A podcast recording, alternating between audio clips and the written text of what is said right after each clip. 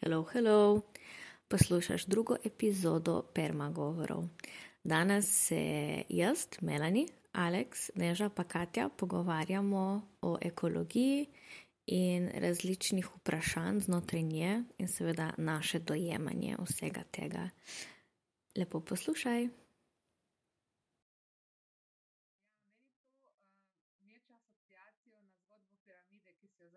razvijati neža v svojem besedili. Ne?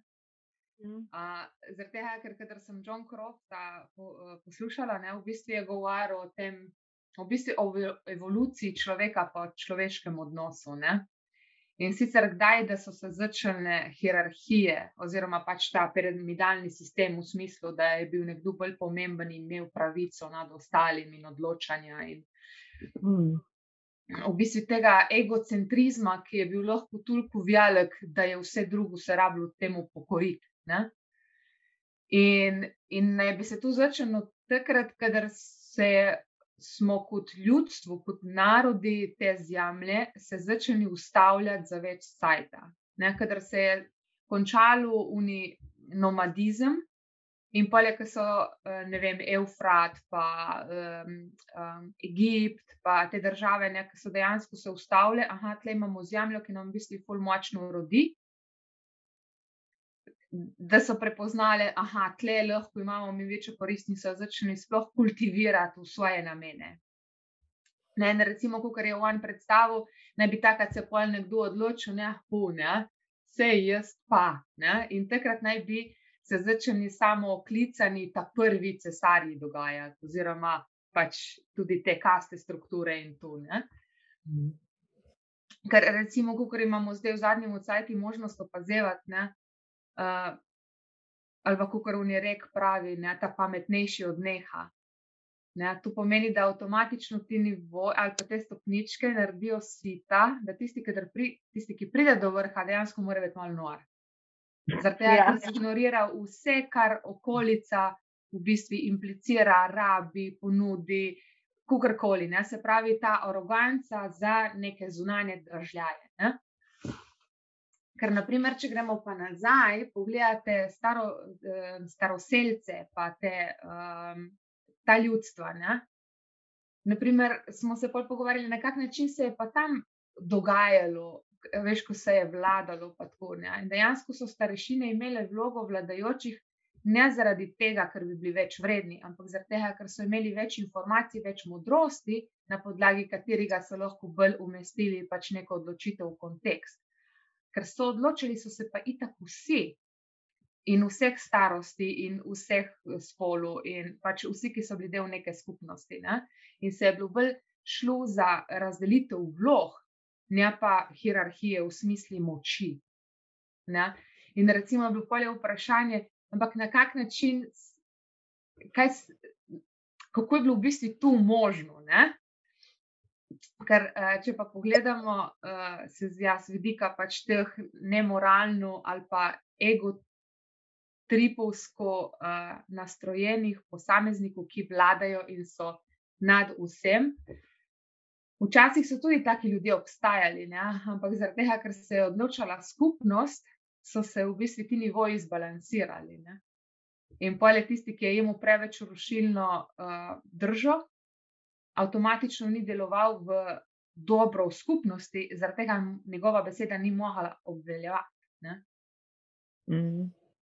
In ja. me to recimo tudi fulj zanimivo, da, da na nek način sociokracija pa tu ne se pravi, kot konkretno urodje vstopa noter v, z nekimi temi mehanizmi, zato da v bistvu prova balansirati uh, uh, te dinamike, no, zato da je se pravi soodločanje res čim bolj konstruktivno in vključujoče. Ne. Ja, noro je. Pametnejši od neha, se pravi, ko je na vrhu zihni pametnejši. ja, ima kakšne druge kvalitete. Ne? Ja, ja, ja, ja. gotovo ima druge kvalitete, ampak tako je, ja, da je to. Tega se, na to sploh še nisem nikoli pomislila. Sam je, um, ja, se gleda trenutno situacijo v vrhu, Tako, mhm, ja. Mogo, mogoče ja. Um, raz, razloži, zakaj je situacija v vrtu taka, kot je. aj, aj, aj. Ja, pa ni tudi zanimivo, kako smo to pač po, tako vzeli za svoje. Pač se ni več samo o tem, o tistih, ki vladajo. Pač vsi se tako obnašamo tudi v, v relaciji do, do drugih stvari. Pač tudi do svoj, recimo, svojega bivalnega okolja si tako, moram pač imeti pod nadzorom stvari, pa da je pač tako, kot sem si zamislil, zaradi tega, da bo pač ok ali pa varno ali pa kaj se vem. Čisto, ne vem. Varno, Vse... ja. Mm. ja, se mi zdi, da ta, va, mislim, tako varnost je itak taka, res, res, res iluzija, pa za voljo nje se toliko enih stvari dela, pač varnost in strah. No. Um, varnost in z njo povezan strah, zaradi, zaradi njih pride do toliko enih takih uh, rušilnih obnašanj, oziroma ja, da je kar. Um, Če bi se zavedali, no, ljudje, da je varnost iluzija, bi bilo mogoče bi se drugače obnašali do drugega in do narave. Mhm. Mm. No. Lahko rečemo tako relativen pomen. Naš življenjski standard je zdaj že tako drugačen, kot je bil, da varnost v tem momentu pomeni čez nekaj drugega, kot je pomenila vem, 50 let nazaj, pa 100 let nazaj. In pa pa ful informiral vse naše obnašanje.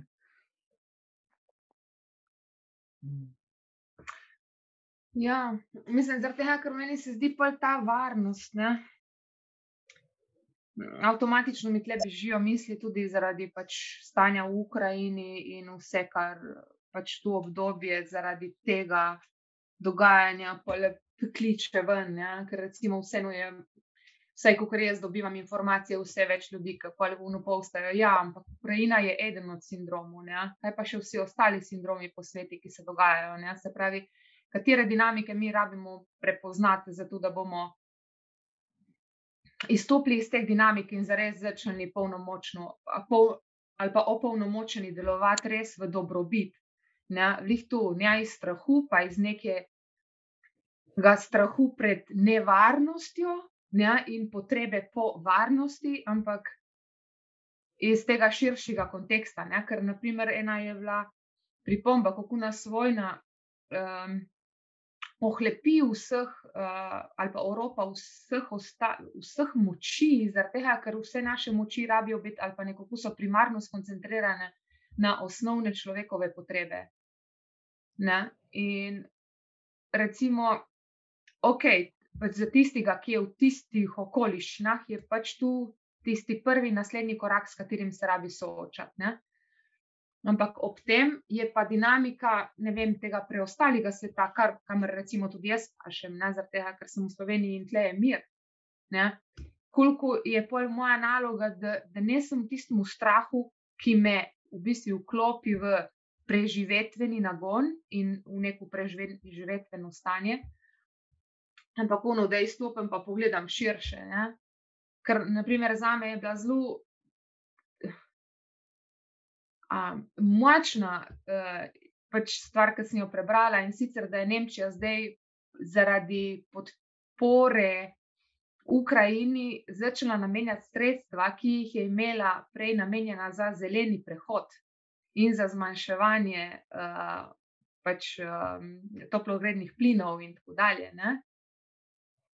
zdaj tista sredstva, ne, ki naj bi šla res v, nek, v, v neko dobrobit celemu planetu in vsem narodom in vsemu živemu biti ne, in vsemu živemu, v bistvu, kar tle obstaja, ne, gre zdaj v neko, v neko majhno zaključeno zgodbo, ki je neko omejen prostor. Ne. In recimo, tle, tle je meni ta pač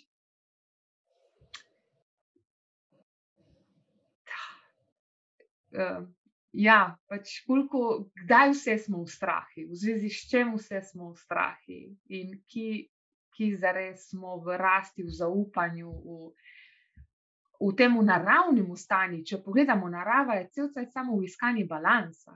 Ne, ne nobenega prav narobe, ne nobenega iztrebljanja, ne, ne, ampak so samo procesi, ki v bistvu na eni strani, mislim pač, ki nekje v svoji neki funkciji uravnotežajo stvari. Ne. Pa ali je to sukcesija in požari, ali je to, mislim, pač kakršen koli fraktal pogledamo. Ne.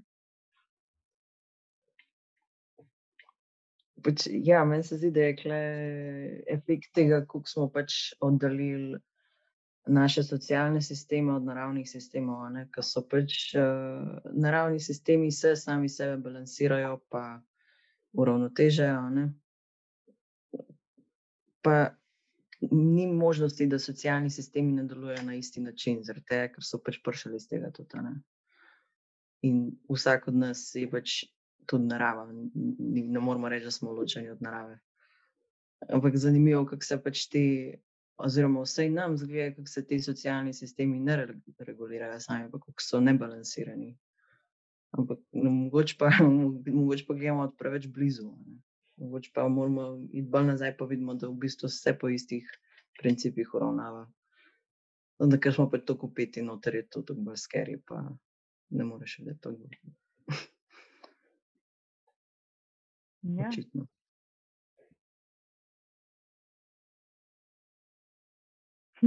Ja, mogoče se nam zdi, da imamo vse pod kontrolo, če, oziroma pač, da peljemo sami procese. Če jo bomo pogledali, da je res nazaj, bi pa sam videl, da sledimo istim vzorcem, ki že tako obstajajo v naravi, pa enkrat bomo prišli. Pač, a veš, bo, ja, o, ja, zanimivo, zanimivo. to me zanima, v katerem delu tega procesa smo zdaj. Ja. Mogoče v razgradnji, dekompoziciji, da bo pa se spet lahko enega začel dogajati. Um. Pač definitivno smo prišli do enega zelo velikega obilja. Mm. Glede na naše trenutne življenjske standarde, čeprav pač niso enakomerni po celem svetu, ampak. Ja. Tudi logično je, da pa pride neka stvar, ki pač se malo putra tudi na tem obilju.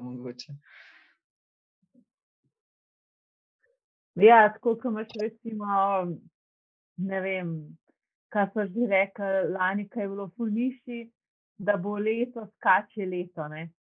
Pač, za dost hrane pride in potem pač uh, več kač naslednje leto. Tako da ja, Hmm. Pa je vprašanje, kje, kakšne kače prihajajo nad, našo, pač nad to obilje, ki smo ga ustvarjali. ja, kače imajo no. tudi v slovenski mitologiji velik, velik pomen. Mm. Tako da mogoče nam pa dobro obeta, če bo veliko. ja kače leto. ja, zdaj sem se spomnila, kaj sem prej hotela reči. Da recimo živali ne, ne živijo, one ne, živ, ne vem, če živijo v strahu ali pa. Se mi zdi, da so tako konstantno prisotni iz momenta v moment, ker ne razmišljajo naprej in ne živijo v strahu, ker pač ne razmišljajo naprej. Uh, pač ne predvidevam, kako živali razmišljajo, oziroma kako živali delujejo. In pa se, če se kaj zgodi, veš, pride, ne vem, uh, fulmočan veter, sklesti vejo z gnezdom, un ptič, od katerega gnezda je bilo sklesteno, se ne bo posedel na novo vejo, pa tam začel razmišljati, ojoj, moje gnezdo, koliko sem vam vlagal energijo, zdaj ga pa ni, kaj bom pa zdaj celo življenje, a mislim, veš, tako, konc življenja, ne morem naprej. Pač bo šel tja, ugotovil, da ni gnezdo, naslednjo bo šel naprej zbirati nove igelce, da bo začel novo gnezdo graditi. Pač, ko ni. Ah, to, to na, meni se zdi, ja, da se to naše razmišljanje pre, da se včasih res zaustavlja. ali Pa, vem, če nismo prisotni v momentu, ali pa ker smo navezani na kakšne svoje stvari, ki smo jih naredili, ali materialne, ali karkoli. Ja, pol, ne vem, ta moment, eh, moment premikanja nam zaustavlja, no, se mi zdi. In potem si tam zataknjen v eni, um, na neki čustveni situaciji, ki ti ne, ne da možnosti ali naprej iti, ali pa se ven umakniti, pa pogledati, kak, pač, kaj se dogaja. In, ja. Tako da ta se mi zdi včasih, da če se spomniš, če ti gre kaj narobe ali pa če ti kaj podere, karkoli, da se spomniš na kakšno žival, kako se jim to dnevno dogaja. pa kar še naprej, brez obotavljanja, brez da bi izgubili voljo, energijo, pač grejo naprej, štartajo na novo, ok. Se premikajo v te pač uh, nestalnosti kot, in, in grejo naprej, in grejo naprej. Ja. Da, to mi včasih pride na pamet, ke, recimo, če ne vem, ali se mi kaj ne posreča, ali pa se kaj, mm, se kaj kritičnega zgodi v življenju, pa tako, pa se pa zapaziš, da, zapaziš, da ti gre um v neko, ne vem, ali samo pomilovanje, ali karkoli, pa si rečeš, a bi ptička se mu gnezdo podreti isto reagiral. Ne. Res, on bi začel nove igre se zbirati se pač fula, mislim, meni je to pa ful lažje. Reči, ok, zdaj je tako, ker je naslednji korak, ki ga lahko naredim, ok, gremo naprej. Ne vem, kaj je to ok z ekologijo povezano, ampak je pa z živalmi, pa z našim umom.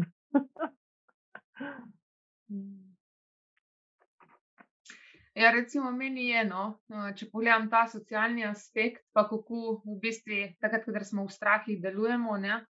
Ali pa kadar se, mogoče ne, kadar smo v strahih, no? ampak naprimer eni uh, predstavljajo to kot um, igro moči, pa se pravi upletenost v to igro moči, ne?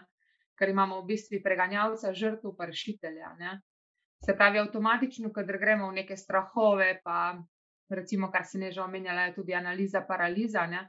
Super je, ja, da se ustavimo, pa pravimo nekaj naučiti iz tistega stanja, ki smo ga doživeli. Ne? Ampak, če ga pravimo pa pre, preveč analizirati, dejansko nam povzroči samo paralizo na mestu, pač nekih spoznanj, na podlagi katerih bi šli lahko naprej. Ne? No, in recimo, kar jaz vidim, nas narava vlih to uči, ne? da, da izstopimo iz, pač kako pravim, tega rešitelja, preganavca, pa žrtve, ne? ampak ok, tu se je zgodilo, se pravi, evo, smo v fazi nekega opozovalca, tu vidimo, tam je bila pač neka vloga, jaz zdaj kot opazovalec ali pa tudi tisti, ki ima moč odločanja, se lahko odločim, ok, kaj je moj naslednji korak in ali še zmeraj, ok, ta situacija mi je sicer pač producirala to pa to, kaj pa želim izbirati za naprej. Ne? Veš, in takrat dejansko gremo um, v, v tisto polno potenco um, recimo našega bitja ali pa pač recimo kapacitet, ki jih imamo, ki jih mi kot človeštvo imamo možnost izbirati, zaradi tega, ker imamo pač neka čustva in tako dalje. Ne? Žival pa ne, ne, žival pa ostane v bistvu na uni. Na, na neki refleksni, uh, naučeni reakciji, ne?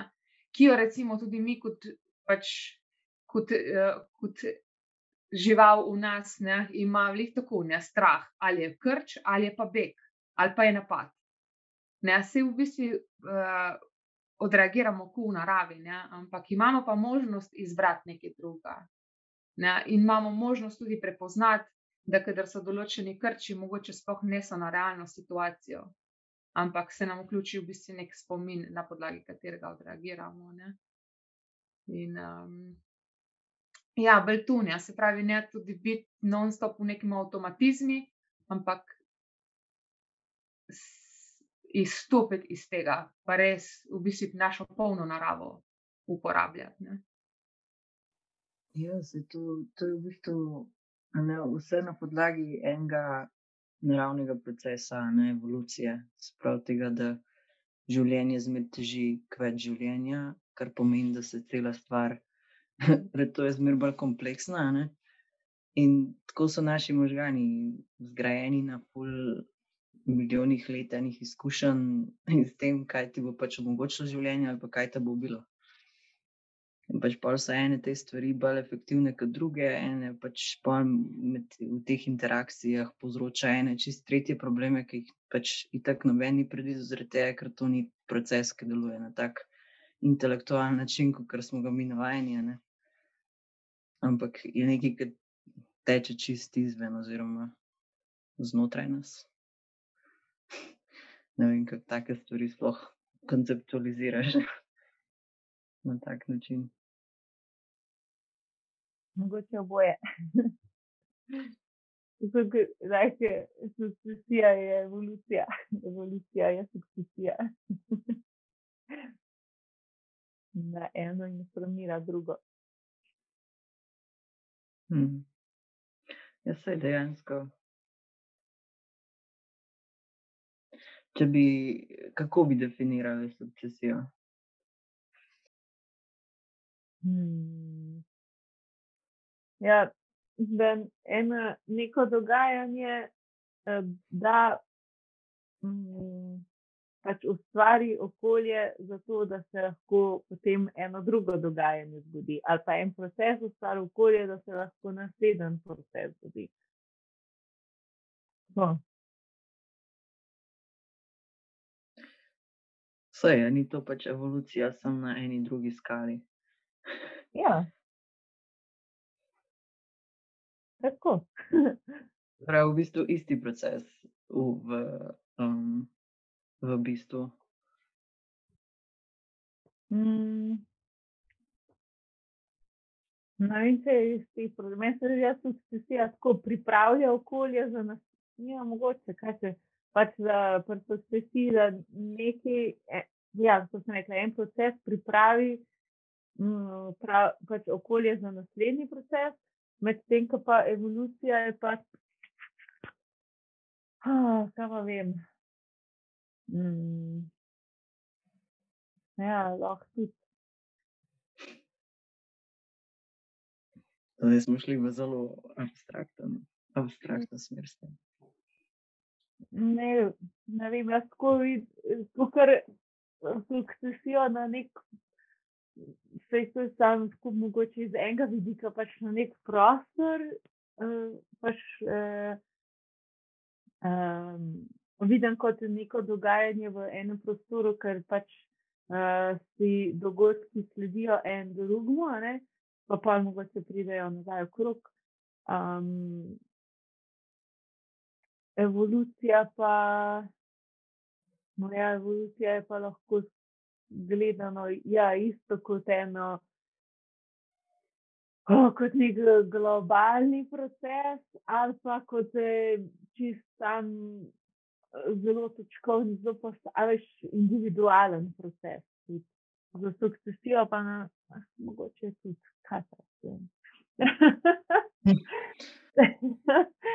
katastrofen. Se mi zdi, da je evolucija bolj tako vezana na spremembe znotraj ene tudi znotraj enega organizma, znotraj ene vrste, sukcesija pa mogoče ne tok. Uh, je pa bolj, uh, je pa tudi pač več elementov v prostoru, ki med sabo delujejo in potem pride na, pač naredijo prostor za naslednjo sodelovanje skupno. Mm. Ja, ja se to je v bistvu je osnovana na interakcijami med temi različnimi osebki v prostoru. Ne? Ja, kar pa ni rečen, da evolucija ni, ne, ampak mogoče bolj ta. Mm, se pa bolj kaže, kot spremembe v posamezni enoti, ta mm. evolucija. Tudi, pa, pa, pa ko če gledamo, ne, zdaj, ki pač rečemo, da mogoče je človeška človeška vrsta v nekem na pragu evolucije, ali kaj, da se bo spremenila, več lahko tudi, uh, lahko tudi uh, skupnost ali pa pač globalno gledano se uh, dogajajo spremembe, da pač kot del evolucije posameznika, ampak hkrati kot, um, kot celote. Mm. Ja, sukcesija pa se mi zdi, da je več, več povezav med elementi, ki ustvarjajo eno, e, eno situacijo, ki lahko podpre naslednji skupek delovanja, naslednji skupek um, povezav. Kaj pa ti misliš, Katja? Ja, se kar strinjam, ja, ne imam pa nič pametnega, pa izvirnega trenutno za dodati. Ampak mogoče samo to, no, da, da, ja, da znotraj sukcesije dejansko govorimo tudi o teh gildih. Gild je sicer termin, ki ga je zelo težko prevesti v slovenščino, ne, ampak gre se za neko simbiozo sorodnih združb. Ja, in kot si v bistvu povedala, da se v bistvu ti skupki te povezave delajo, ne? ki so v bistvu same za dosti močne, zato da krepijo lahko naprej. Ne? In uh, ja, celo kupno gledano, dejansko pole zaradi faze, v kateri so ti, te, ti gildi, ne, te, te združbe, v bistvu so ustvarjajo pač neko okolje, ki je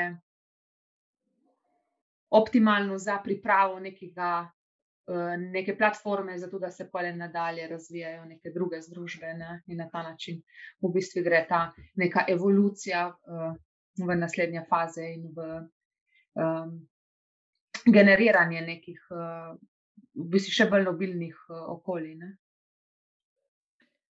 Ja, seveda se evolucija ne, je vezana na, na spremembe v okolju, pač mutacije, ki se dogajajo vsakemu posamezniku, katere koli vrste so kot odgovor, če jaz to prav razumem. Na, um, mislim, a so uspešni, ali niso, odvisno od okolja, v katerem so, ne, in pa tako se prenašajo naprej. Okolje pa pripravlja v bistvu sukcesija, pa to, kako se ekosistem razvija, ali pa pač, če umre, pa se pa spet razvija. Tako da sta povezani, čeprav sta veliki, v bistvu zelo drugačni videl na mene, ni jaz, da hodila vprašati, kaj ti misliš, da je razlika med sukcesijo in evolucijo, oziroma je razlika, kaj je ena, kaj je druga. Ful dobro vprašanje, v bistvu nisem nikoli o tem razmišljala. Sam prva pomisel, ki sem jo zdaj porodila, je, da sukcesija je precej ustaljena stvar in v bistvu vedno vodi razvoj nekega okolja v isto stvar. Torej, cilj sukcesije je, da se ustvari ta um, klimaks združba. In evolucija pa, mislim, da nima nekega specifičnega cilja, ampak samo, da se konstlo, konstantno adaptira na svoje okolje. Tako da bi rekel, da so si ful podobne v smislu, da pač da, ja, da se odzivajo na spremembe in da se spremenjajo, ampak nimajo pa istega cilja. Tako, ko mi je res kliknil, ko res kliknil, point permakulture je, ko sem videla nek post na Tumblrju in mislim, da Alek sem tako tebi ga poslala in sem jaz tako že na klicaji, tako ja, to je to. To je bilo glede, glede sukcesije ne? in če sem že prej slišala za to, sem, aj jaz nisem, nisem pač, ne vem, ponotranila neki. In je tako bil kratek quote, ampak tako ful lepo, nazorno je razložil, da kako mi z, z navadnim kmetijstvom se v bistvu cel cajt borimo proti sukcesiji. Ne? V bistvu stalno rušimo ravnovesje in stalno, v bistvu, mi, mi ustvarjamo neke mini naravne katastrofe v tleh, in ko se pač začne sukcesija, ker pač that's what nature does, se jih poskuša postavljati na noge, in pa mi še enkrat, in pa mi še enkrat. In v bistvu to je tisti največji point, kako mi smo ustvarili nek sistem, kjer ti v bistvu greš proti naravi. In zaradi tega ti moraš toliko energije in drugih stvari vlagati noter, da ti vzdržuješ nekaj, kar ni naravno. Ne? In takrat mi je bil res tisti tako en res največji aha moment, da pač te, ja, mi gremo proti, je brez veze, narava je močnejša od nas. Zakaj se tako trudimo iti proti? Ne? Je treba, je treba iti z naravo, lahko lahko dobimo hrano, pač na malo drugačen način, kot so si eni par tisoč let nazaj zastavili. Ampak brez vse, vsega tega bojevanja, mislim, mislim, je Sizifovo delo, da ti, da ti orješ in vse ostalo. In pomoč ti umetno, in hranila, in pesticide, in uno, in tretje. Na mesto, da pustiš, da si tako pameten, ne, ne vem, sigurno nek kvot o tem, kako leni ljudje so še najbolj pametni, zato ker pač pustijo druge stvari delati za njih. In um, ja, ne vem. Ne, tako, tako se trudimo vlagati, nek, pač umetno ustvarjati neke stvari, ki niso trajne, v smislu časovno ker pač drugi, večji, višji, močnejši procesi v bistvu to stalno podrivajo in mi jih podrivamo, namesto da bi se gradilo eno na drugem. Ja, anyway. To bo zavedno pri meni ostalo tisti tako najbolj aha moment, da zakaj je pa permakultura kul. Cool. Ja, zato, ker pač ne mečem stran svoje energije za v bistvu nekaj tako kratkotrajnega in tako v bistvu na koncu brezveznega in še uničujočega povrh. Tako da v bistvu nič pametnega ne dobiš, razen malo hrane, ki ni tako najboljše kvalitete, ever. tako da, ja, raz. To, to je bil res za me tako najboljši aha moment. Hmm. Jaz sem pa zdaj ugotovila, zakaj sem lena, zato ker sem pametna. se lahko trepla po rami, vsakič, ko se počutim lenobno. Ah, to je v bistvu pamet, v redu je.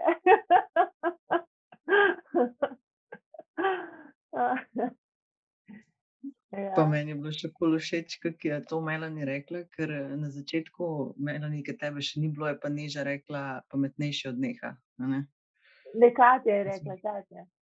Katja je rekla. No. V glavnem smo prišli cel krog. Mm. Ja, in ne vem, če veste, zna biti, da nija, glede na pogovor, da obvezna oprema permakulturnika je viseča mreža. Zaradi tega, ker se zaveda, da se je treba ustaviti in opazovati, preden se deluje. Mhm. Tako da, ja, zgleda, da smo na pravi poti. Ja, definitivno. Ja, jaz jo imam skozi v avtu, visečno vidim. Pametno. Alko. ja. Ja, ne se, a ni res. Pač tako mal, ne vem, se mi zdi, da tako neka lenoba je v zahodni družbi tako ful slabšalno. Tako razumljena. Sam Mislim, da je lenoba ni sama po sebi, mislim, sama sebi namen. Ne? Pač v bistvu, če si len, je to lahko res pozitivno, zato ker poleg, ko moraš nekaj narediti, v bistvu ti najdeš tako najbolj efektiven način, kako je neko stvar narediti.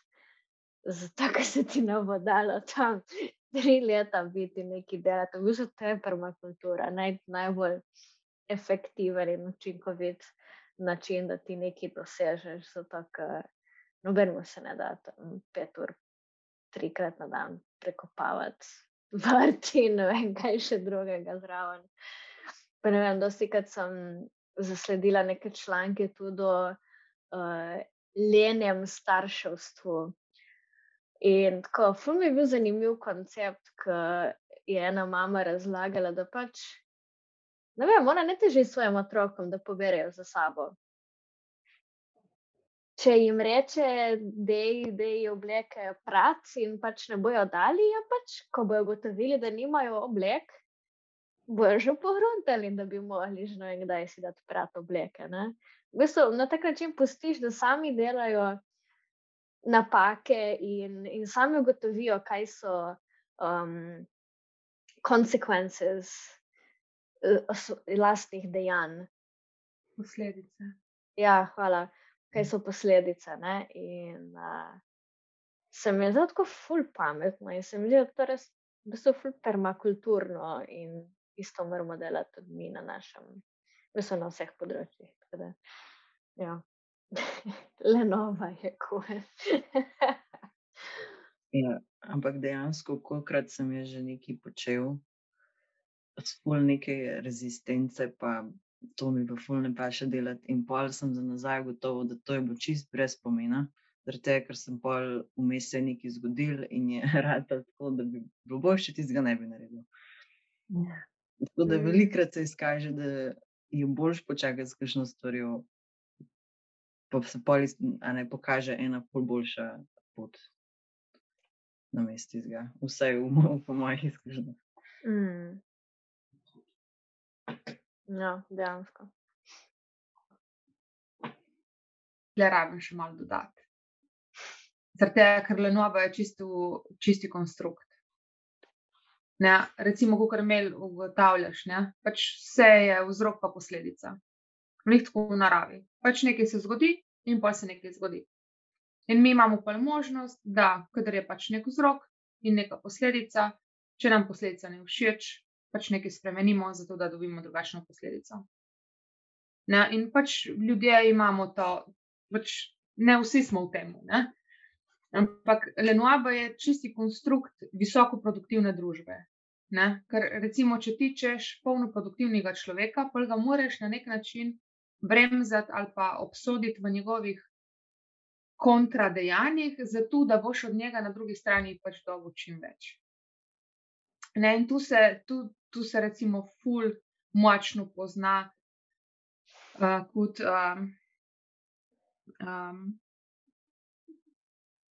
predmet uh, poniževanja ali pa pomanjševanja ali pa žaljenja v družbah, ki želijo biti visoko produktivne in so uh, usmerjene v rezultate.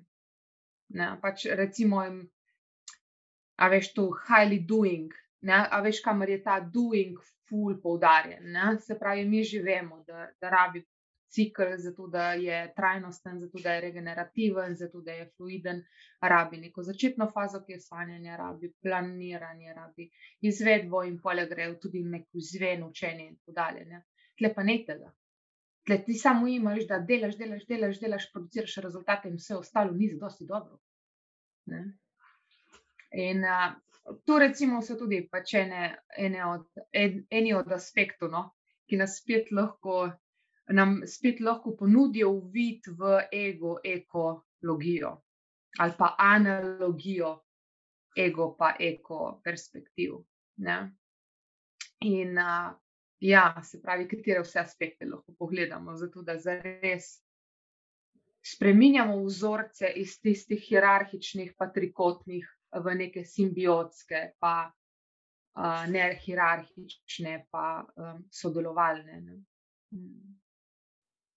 Ja, se pravi, če priješ v eno, recimo, uh, priješ v neko družbo, pa opaziš, da je um, recimo, to, da si len uporabljeno kot žaljivka, veš, da si v eni bolj kapitalistični družbi.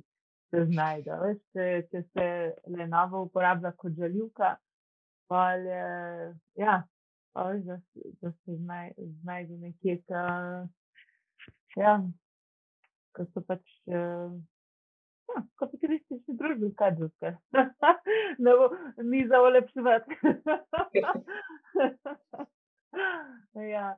Pa meni se zdi ful eh, razlika med uh, lenovo in brezdeljem. Pač, um, ni, mislim, ti, če ne delaš, ni nujno, da si len. a ne. Pač uh, so to, po mojem, dve različni stvari. kaj jaz vem. Um, ampak brezdelje se takoj označi tudi za lenovo. Um, takoj, ko ne delaš, si len, ampak brezdelje je čist. Nič ne delaš, ne, ne pomeni, da si len.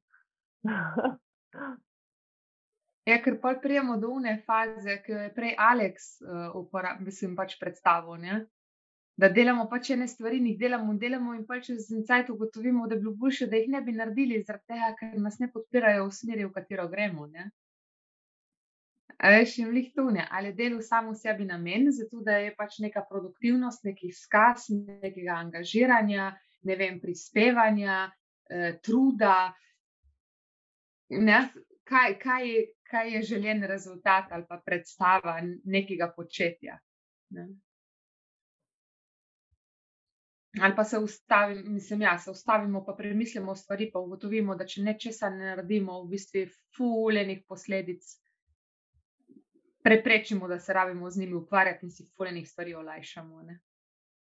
In si vzemamo dva dni dopusta in gremo samo upali v naslednji konstruktiven korak. ja, in zna biti, da smo zaradi tega označeni kot leni, pasivni, nezainteresirani, neemancipirani in tako dalje. Ne? A v bistvu pa samo optimizirano uh, razpolagamo s svojimi močmi.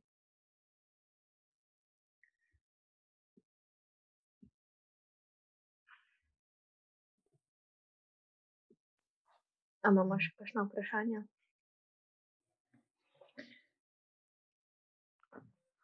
Uh,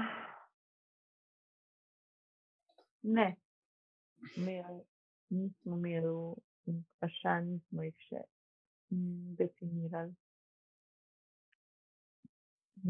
Jaz imam vprašanje. No, eno se pa. Kaj pa za vas sploh pomeni ekologija, tako osebno? Ne definicija, ampak.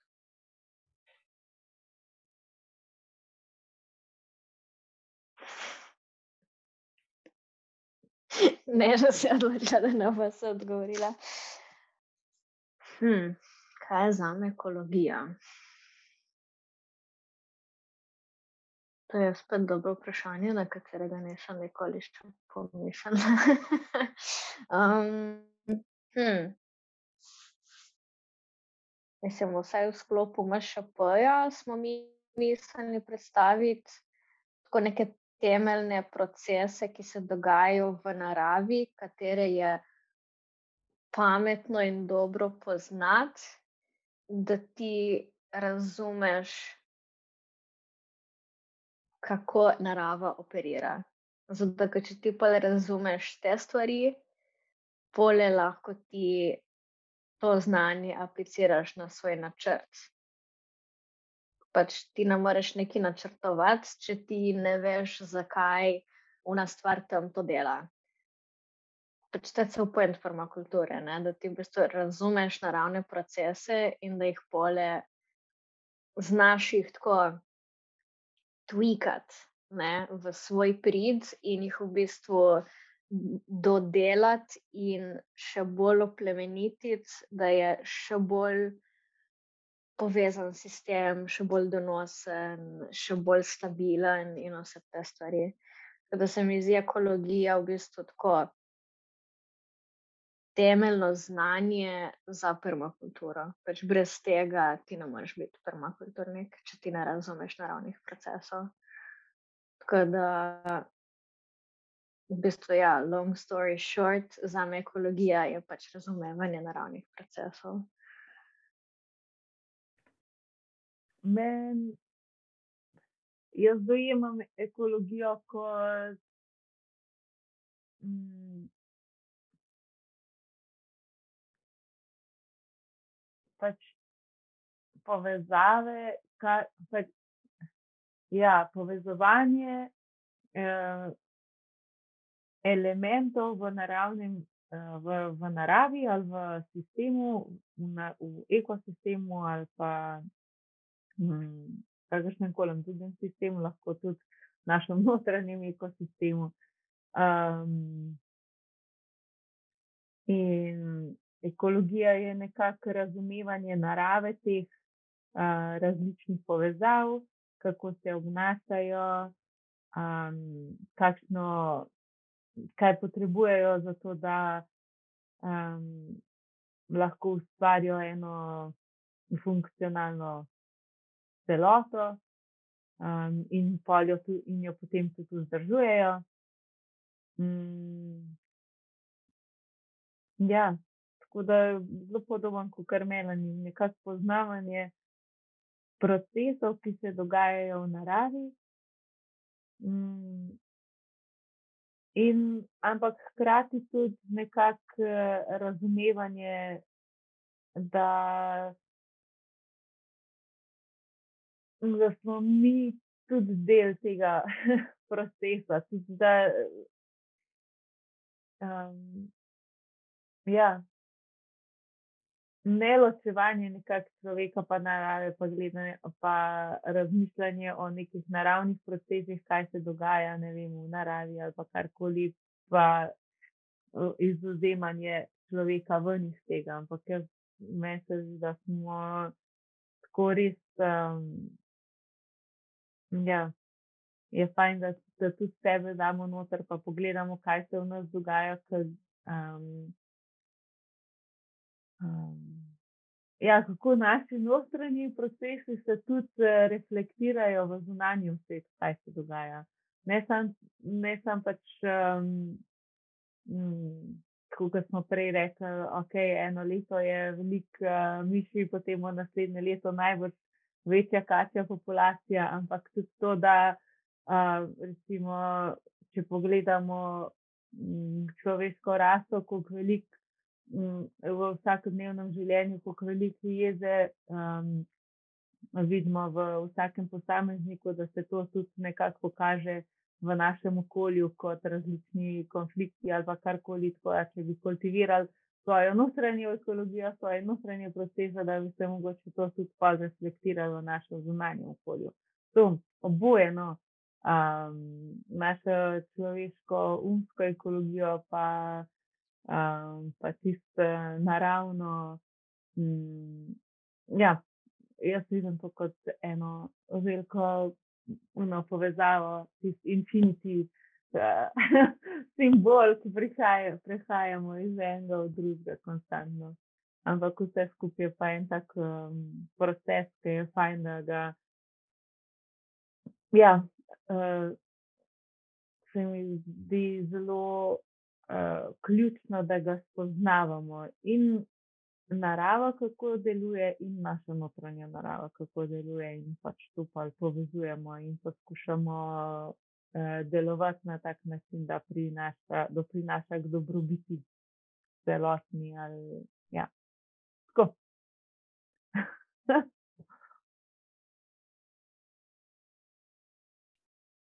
Ja, v bistvu je zelo zanimivo vprašanje, pa tudi način, kako je bilo postavljeno. No? Uh, v smislu, ja, kaj je za nas osebno ekologija. Uh, ker sem se komaj zdaj zavedla, da da sem jim tukaj zdaj vlik zaradi tega, ker sem razvila pač neko svoje dojemanje tega termina, uh, ker uh, če ne, verjetno ne bi bila. Uh, no, v glavnem, um, se mi zdi, da ste fulepo in melani in neža predstavljali že uh, pač neko to širšo sliko. Uh, ja, meni, meni recimo ta ekologija, čisto osebno, uh, ta logija, pred, logija predstavlja bolj ta nek logičen del, umski del, neke te pa kapacitete, ki v bistvu jih nosimo v naših možganjih, kamor spada tisto, kar smo nauč, se naučili, uh, izkusili, uh, bili informirani o tem, se pravi, kar smo naložili nekako v naše možgane. Ne? Mm, se pravi, je res ta logičen umski del in je analogija na nekaj. Ne? Uh, Medtem ko eko mi pa predstavlja ta intuitivni del. Intuitivni del, ki v bistvu se ga rabimo sami učiti. kako sploh dostopa do njega, kako se mu sploh odpreti, kako ga začeti sploh spoznavati, pa, pa se v njega potapljati. Ne? In tle uh, je narava res perfekten učitelj. Ne? In kot je Melani rekla, ne moremo v bistvu z naravo zares sodelovati, sploh zato, da nam bo še ekstra koristila, brez da bi jo zares spoznali. Ne? Ker če jo ne poznamo, v bistvu jo ne moremo polno vključiti. Uh, tako da Zaradi tega mi je v bistvu ta ekologija tudi zelo tak uh, um, mejni, v narekovajih, termin. Zaradi tega, ker recimo imamo študije, študije v smislu fakultativnih, izobraževalnih smeri, ki se ukvarjajo s tem področjem, pa je zelo, za, za moj pogled, no, zelo malo za res um, povezovanja z naravo, pa načrtovanja v prisluhu za naravo. Um, ampak je bolj iz tistega ego vidika, kot smo ga prej naslavljali. Ne.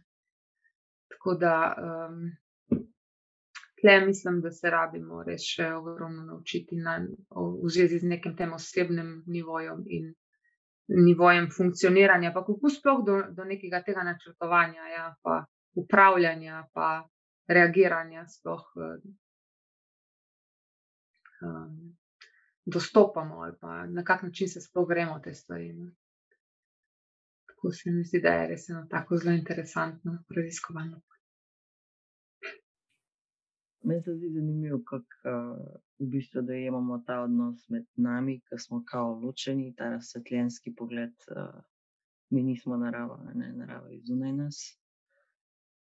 Kako je to tako? Uh, mislim, nam, nam se zdi, da je to vseobsegajoča stvar, uh, da je edina stvar, ki obstaja, ampak dejansko ful veliko kultur po svetu ima čist drugačen pogled, zelo drugače, da imajo, kar ni človeško. Hm, na ful bolj mogoče odprt način ali pa samo glede vrednotenja mogoče. In je ta odnos pol med naravo pa človekom čist drugačen, ker je, ja, tako kot smo že govorili, to pol rata mreža, povezava, ne. In ne samo ena pač, piramidna shema.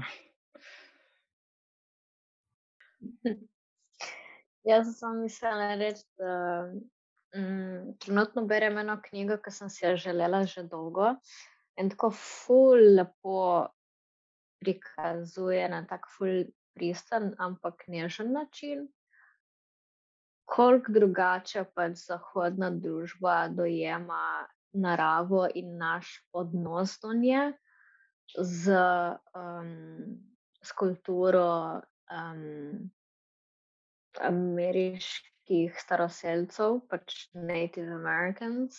Nisem vedela, kako naj bi to rekla po slovensko. Um, in tako, ful, ful zanimivo, zato ker ta ženska, ki je to knjigo napisala, je tudi formalno izobražena kot biologinja um, in pač pozna tudi cel znanstveni svet, kar se tega tiče. Tako da je res fulj zanimivo um, gleda oziroma da zorni kot iz teh dveh svetov, torej ta znanstveni svet uh, biologije in na drugi strani ta čustven. Um, ja, mislim, ja, ta, ta čustven zornik kot staroseljcev, ki pač ful drugače gledajo na, um, na naravo. In tako mislim, da v prvem poglavju uh, govori o tem, kako je pač imela eno uro na faksu in je vprašala svoje študente, če Um, jaz ne spomnim točno, ali če jih je vprašala za primer, ali če se jim zdi sploh možno, da človek ima um, pozitiven odnos z naravo. V smislu, če oni vidijo nek primer, kjer človek pozitivno vpliva na naravo. In je rekel, da so si rekli, ne. Da se ne morejo spomniti niti enega primera, kjer pač lahko človek res v simbiozi um, z nekim pozitivnim odnosom pač, um, pač interaktira z naravo in da je, da je to šokirano in da, je, da se ful čuti, mislim, da se ful vidi razliko, kako odraščajo. Pa pa je šla v razlago eno izmed mitov, um, stvar, eh, ko se reče po slovensko, pač creation myth. Uh, to je pa ta moja slovenščina, čekaj, na hitro.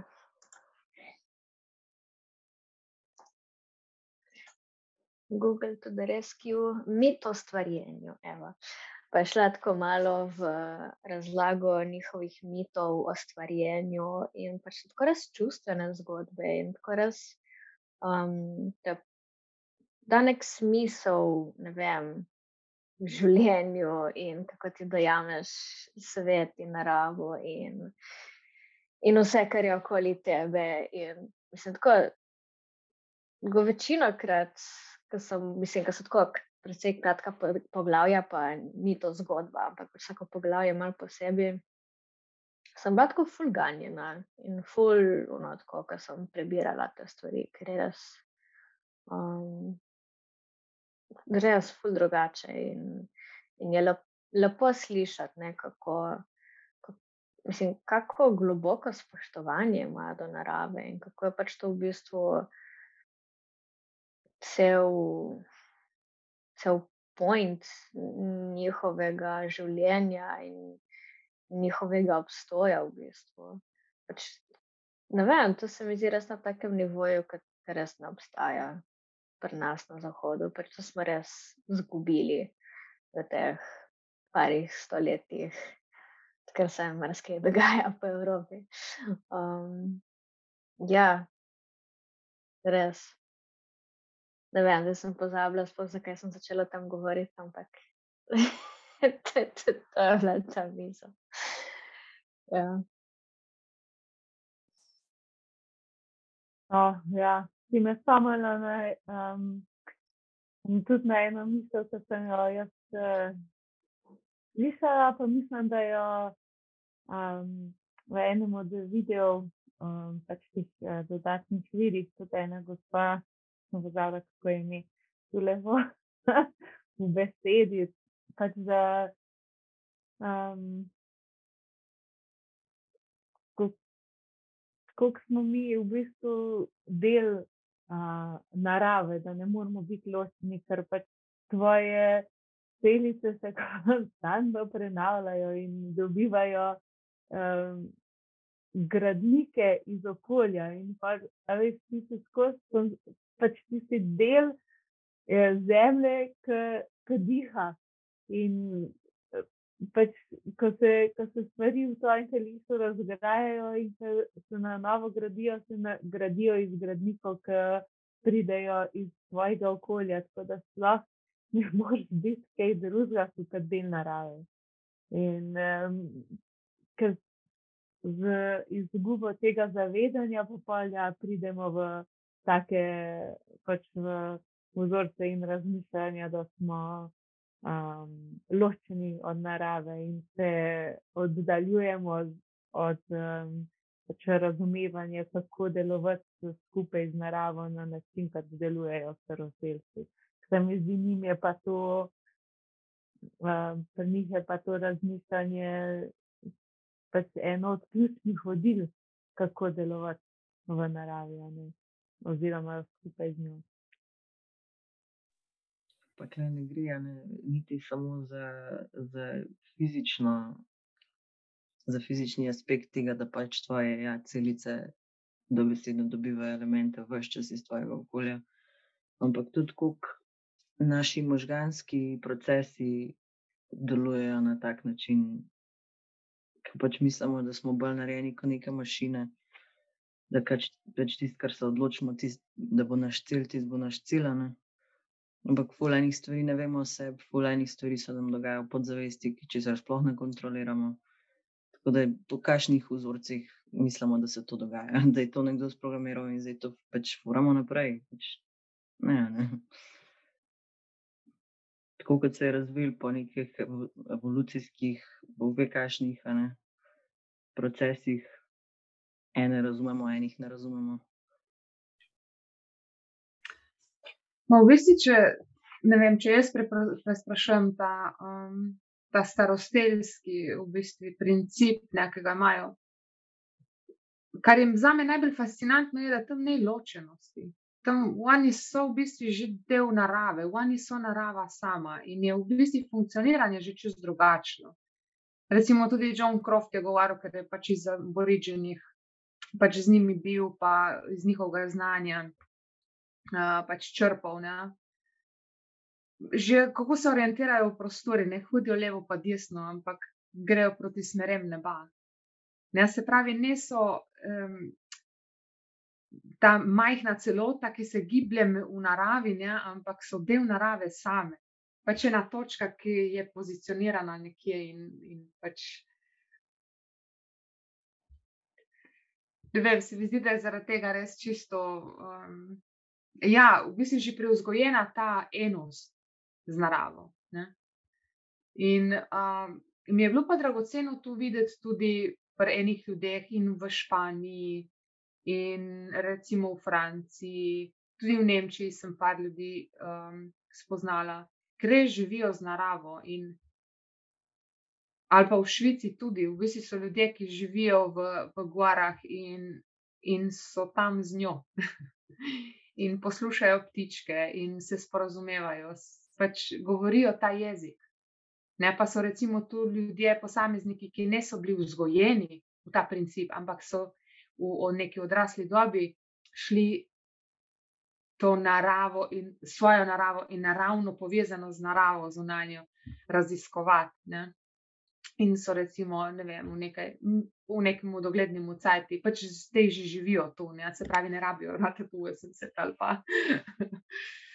um, ne rabi biti tu neskončen proces, ki se v tem eh, življenjskem obdobju ja, pač ne zgodi. Ne. Eh, se pravi, ja, smo del narave in imamo vsak dostop do tega. No. Sam je pa res zanimivo opazovati, da, da, da ti posamezniki, recimo, jih, da so to vrstni, no, ki sem jih spoznala, da je pol večene tankočutnosti.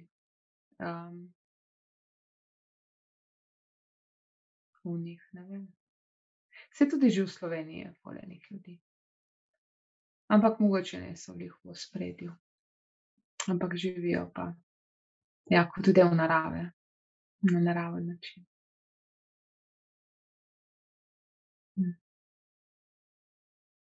Ja, mogoče smo se začeli spet spominjati, ja, kaj je naša resnična narava. Sem je zanimiv, da mislim, ta zadnja stvar, ki si rekel, zdaj na koncu, Katja, pač, da se začenjamo spet spominjati. Jaz sem dosti krat bila tako ful, tako žalostna in jezna in razočarana, da smo pač v Evropi v bistvu vsega tega znanja in neke modrosti pač večinoma zgubili, pa ne samo v Sloveniji, pač posod po Evropi. In mislim, se to me pa tako zanimajo, staroverci na vse to, ker se mi zdi, da ne vem, to je, to je vse ta modrost, isto kot recimo zaznavamo pri um, pr teh ameriških aboriginih, ne, ampak je tako fulvezano na naše lokalne okolje. Zato me pač to ful zanima, zato ker čutim to neko pomankanje takega razmišljanja, takega razumevanja v našem okolju, pa vsi vemo, da je bilo. Ne? Smo pač pustili, da, da je zginilo. Ampak sem doskrat razmišljala, da vse to, kar smo na nek način izgubili, se mi ne zdi, da je zavedno izgubljeno. Zato, do vseh teh nekih zaključkov, nekih modrosti, do katerih so oni prišli skozi pač tisočletja, ko so živeli na enem placu, na enem mestu, se mi zdi, da lahko mi pridemo do istih zaključkov, če začnemo spet živeti z naravo. Pač to ni, to ni neka. Ne vem, se mi zdi, da so neke take inherentne resnice, ki so tam in čakajo, da jih pač še enkrat odkrijemo. Se mi zdi, da je res, da če bi pač kolektivno začeli spet živeti, kot so nekoč, da bi pač iste stvari, oziroma zelo podobne, ali pa pač v bistvu bi bilo isto. No. To, to, kar bi, bi dojeli, bi dognali, bi najdli, bi bilo, bi bilo zelo podobno. Tako da, ne vem.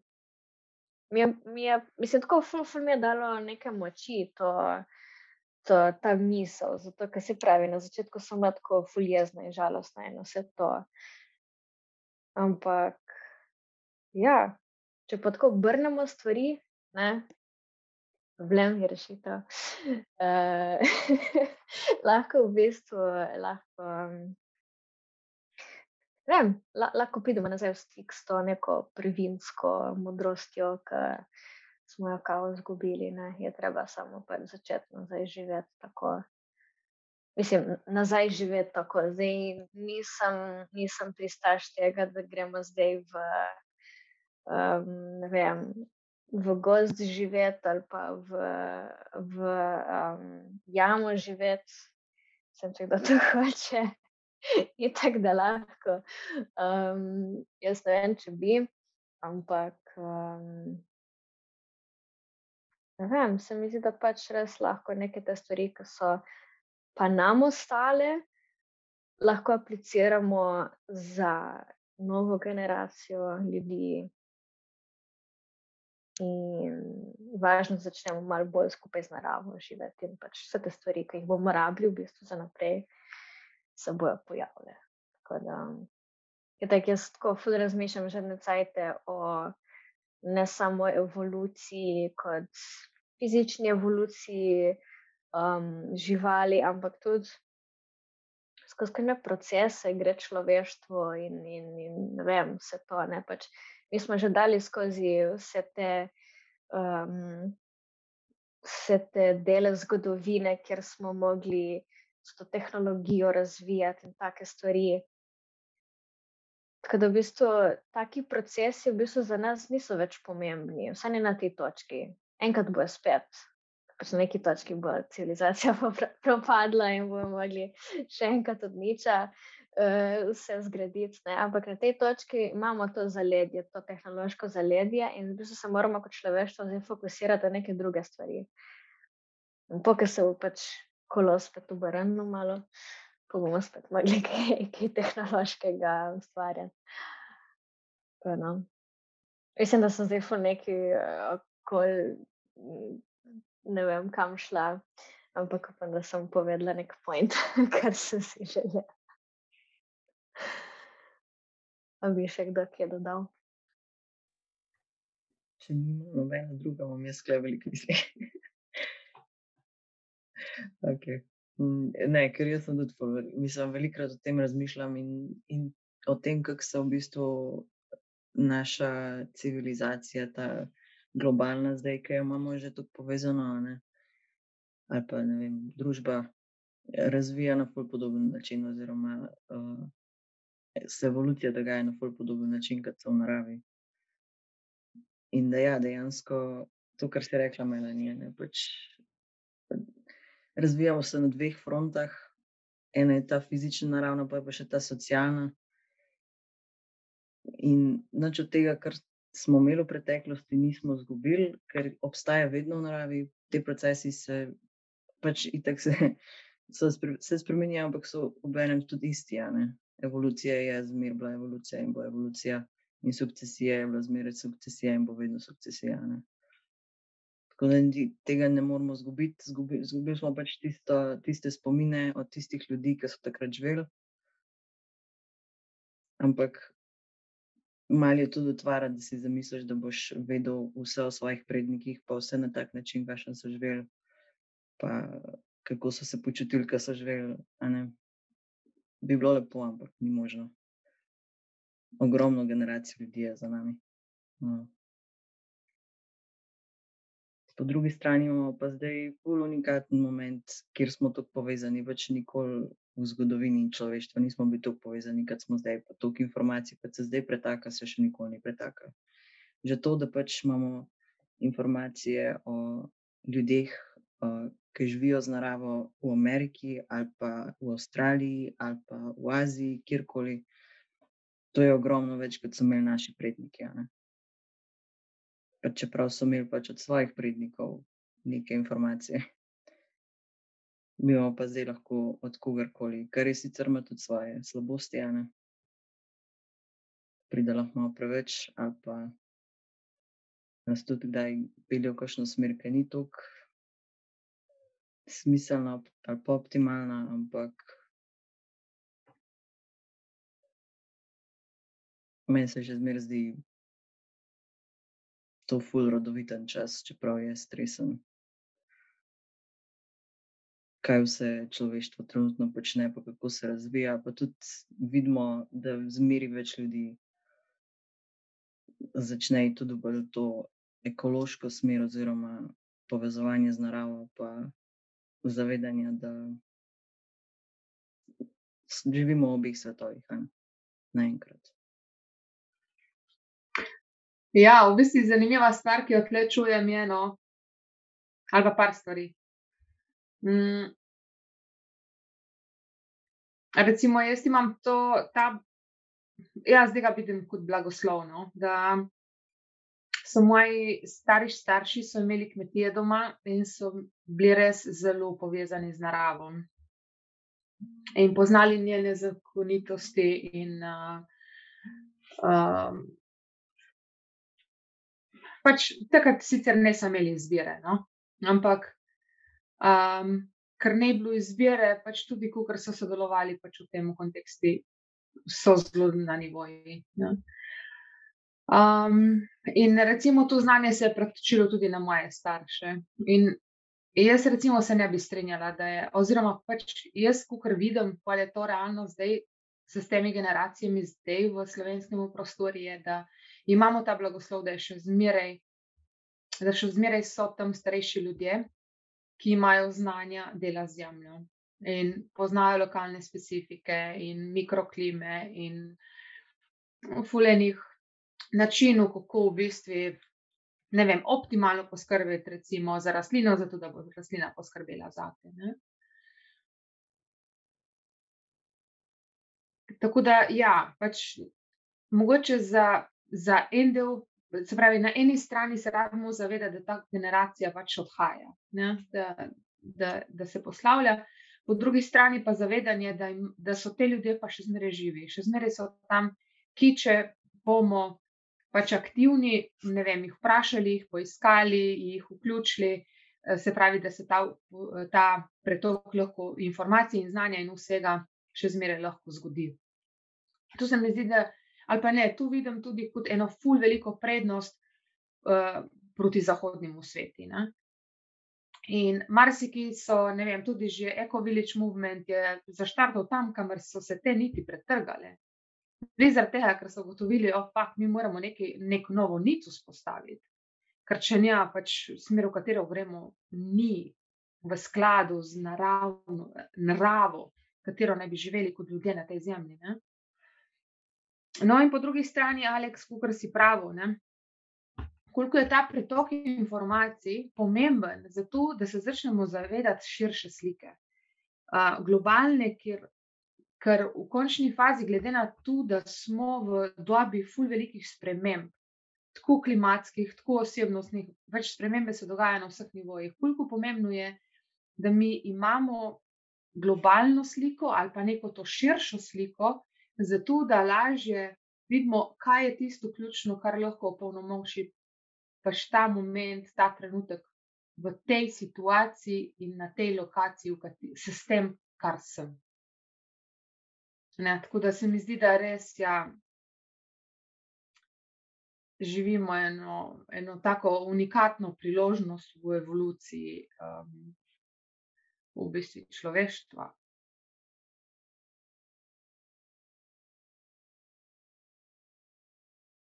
Ja, ne vem, zakaj, ampak mi prihaja um, svoj komentar na misel Melani, ki si rekla, da pač, če se kdo želi tako živeti, ali pa ujamo, da, da ne, ne, ampak pač eh, ti se ne vidiš v tem.